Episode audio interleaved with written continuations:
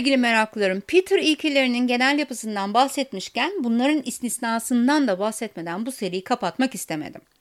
Bir önceki yayında hiyerarşik yapılarda yükselmek isteyenleriniz için işin püf noktalarını vermiştik hatırlıyorsanız. Şimdi çekilme veya kendinizi ittirme gücüyle yükselmeden de yükselebilenlerin programındayız. Hazır mısınız? O zaman hadi başlayalım. İlk istisnamız ışınlanma. Yani yalancı yükselme. Evet, başkalarının yolunu tıkamasın diye yükseltilen bazı şanslar var ya bu dünyada. Onlardan biri değilseniz bu tiplere sinir oluyorsunuz demektir. Rahmetli babam da geçimsiz bir tanıdığı için söylerdi. Bir bankanın en üst düzeylerine doğru çıkıyordu bu tanıdığı. Kimse onu istemediği için sürekli oradan oraya atıyorlar. Aşağı da indiremiyorlar. Mecbur yükseltiyorlar demişti. Rahmetli Peter ilkelerini bilmezdi ama iyi insan okurdu. Peki bu kişi yeteneksiz olduğu yerden alınıp yetenekli olduğu yere mi yükseldi? Hayır. Daha fazla sorumluluk mu yüklendi? Hayır. Yeni görevlerinde eskisine göre daha fazla mı çalışacak? Hayır. Bu tip ışınlanan kişilerin en büyük özelliği sadece kendilerinin gerçekten yükseldiğine inanmaları. Alkışlıyoruz onları.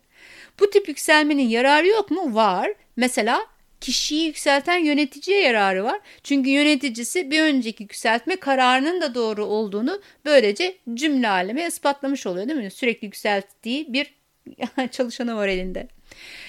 Yok sanıyorsunuz ya bize de yararı var. Yani biz çalışanlara hepimize yükselen şahsa bakıp bu yükseliyorsa ben hayli hayli yükselirim diye hani e, motivasyonumuzu da arttırıyoruz değil mi? Organizasyonel motivasyon yükseliyor yani. Çok güzel bir bence.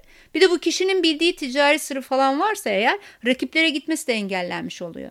E ne oluyor? Yönetici memnun. Sizler memnunsunuz. Biz memnunuz. Neyse. Organizasyon memnun. Daha ne istiyoruz ki değil mi yani? Bir diğer istisnai yükselme türü de süslü kaydırma. Bu da ışınlanma gibi yalancı bir yükselme. Yeteneksiz kişinin kadrosunu hatta ücretini bile arttırmadan süslü bir ünvan vererek yükseltmek. Hatta odası da binanın en uzak köşesinde falan olabilir yani. Bir gün işe geldiğinizde kendinizi haberleşme ve koordinasyon müdürü olarak bulursanız hafiften bir şüphelenmeye başlayın derim ben. Uh-oh. Hiyerarşi ne kadar büyükse bu süslü kaydırma da doğal olarak o kadar kolay oluyor.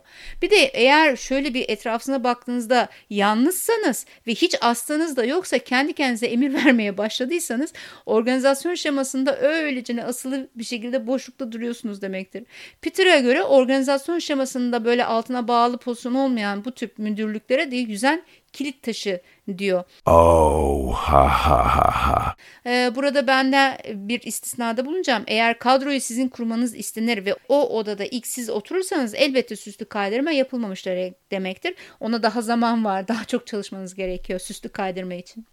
Peki diğer bir ayrıcalıklı yükselme türüne burada devreye otomatik çalışanlar giriyor. Yani Türkiye'de şimdi anlattığım zaman fazlasıyla karşı karşıya kaldığınızı göreceksiniz. Bu kişilere göre araçlar amaçlardan önemli. Yani yani dosyalar, formlar, evraklar doldurulmalı kardeşim. Kural böyle.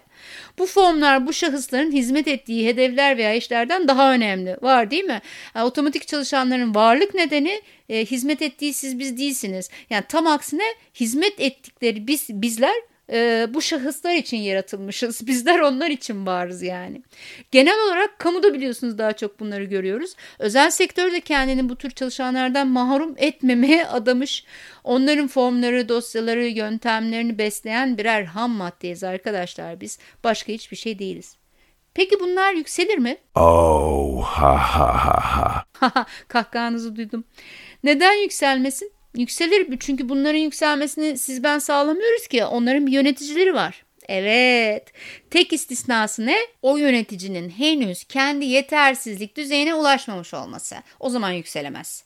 Yani yönetici bu otomatik çalışan şahsı çıktıları ile değerlendirecek ve işini yapması için bir süre daha yerinde kalmasını sağlayacaksa hiçbir yere kıpırdamayacak o kişi de. Peki o yönetici de kendi yetersizlik seviyesine ulaşmışsa işte Çanlar burada çalıyor.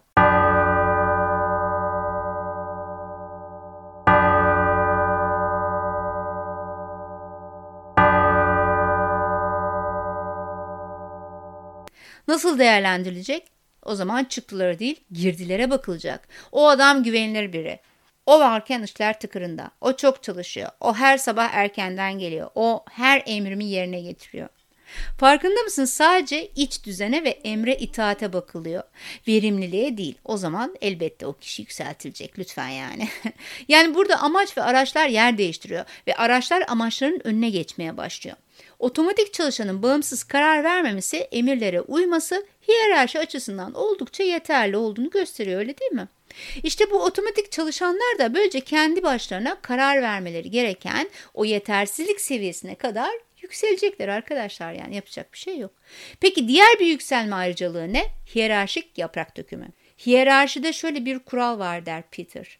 Hiyerarşi için üstün yetenekliler, yeteneksizlerden daha kötüler. Uh-oh. Uh. Olağan yeteneksizseniz işten çıkarılmazsınız. Sadece yükseltilmezsiniz o kadar.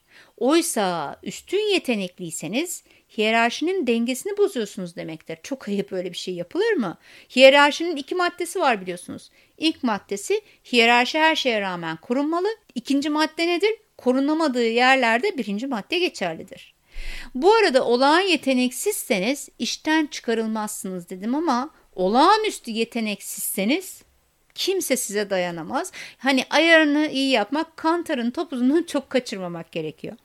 Peter'a göre işten çıkarılanlar ya olağanüstü yeteneksizler ya da yetenekliler. Ben demiyorum valla o diyor. Diğer bir yükselmede ayrıcalıksa baba desteği.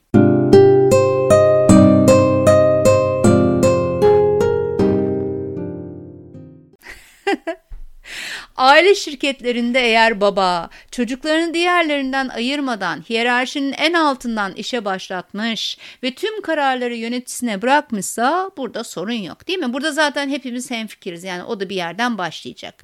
Peki ama ya doğrudan doğruya üst kademelere getirirse çocuğun üst kademelere gelmesinden ziyade o üst kademelere nasıl geldiği önemli şu an bizim için. Peter diyor ki bu iki şekilde olur. Birincisi organizasyondaki bir zavallı ya ışınlanır ya da süslü kaydırma yapılır. İkincisi ise çocuğa etkili havalı yeni bir pozisyon yaratılır. Hangisiyle karşılaştınız? Ancak burada bir başka konu gündeme geliyor. Direniş. Peter ilkesine göre daha önce yükselmelerini sağlayan veya ileride sağlayacak olan şu andaki yönetime karşı oluşan duygusal bağ. İşte bu bağ çalışanların tepeden inen bu arkadaşa karşı direnişe geçmelerine neden oluyormuş. Stamattina mi sono alzato. Oh bella ciao, bella ciao, bella ciao, ciao, ciao. Stamattina mi sono alzato e ho trovato